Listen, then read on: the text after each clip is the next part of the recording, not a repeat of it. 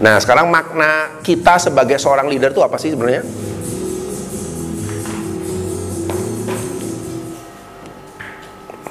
Apa maknanya kita tahu dulu, Pak. Nah, ini kan gini ya. Ini teorinya siapa? Masih ingat kah? Maslow. Ya. Yang pertama itu fisik uang makan. Ya, jadi das, kebutuhan dasar dulu, dasar dulu, Pak ya. Ya, kenapa perusahaan harus ngerti, Pak? Kalau Anda ingin membuat orang itu lebih optimal, urutan ininya harus terlewati dulu, Pak. Jadi ini masing-masing tidak bisa loncat ya. Jadi contoh gini, bagaimana orang bisa menunjukkan eksistensinya kalau perut aja lapar. Aduh lapar, rumah gimana, malam gimana, nggak bisa pak. Suruh mikir yang tinggi-tinggi nggak bisa. Urusannya masih di urusan perut dan sekitarnya, gitu kan pak ya. Nah ini repot pak, ini Maslow tuh begitu. Fisik, uang, makan.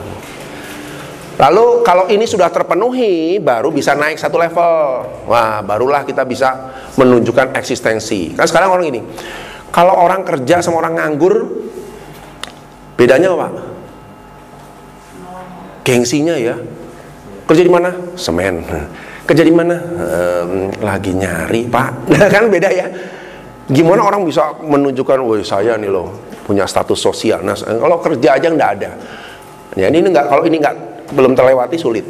Ya, kalau sudah terakui, wow saya udah punya kerjaan nih, ya, baru bisa mengkontribus mengkontribusikan potensi.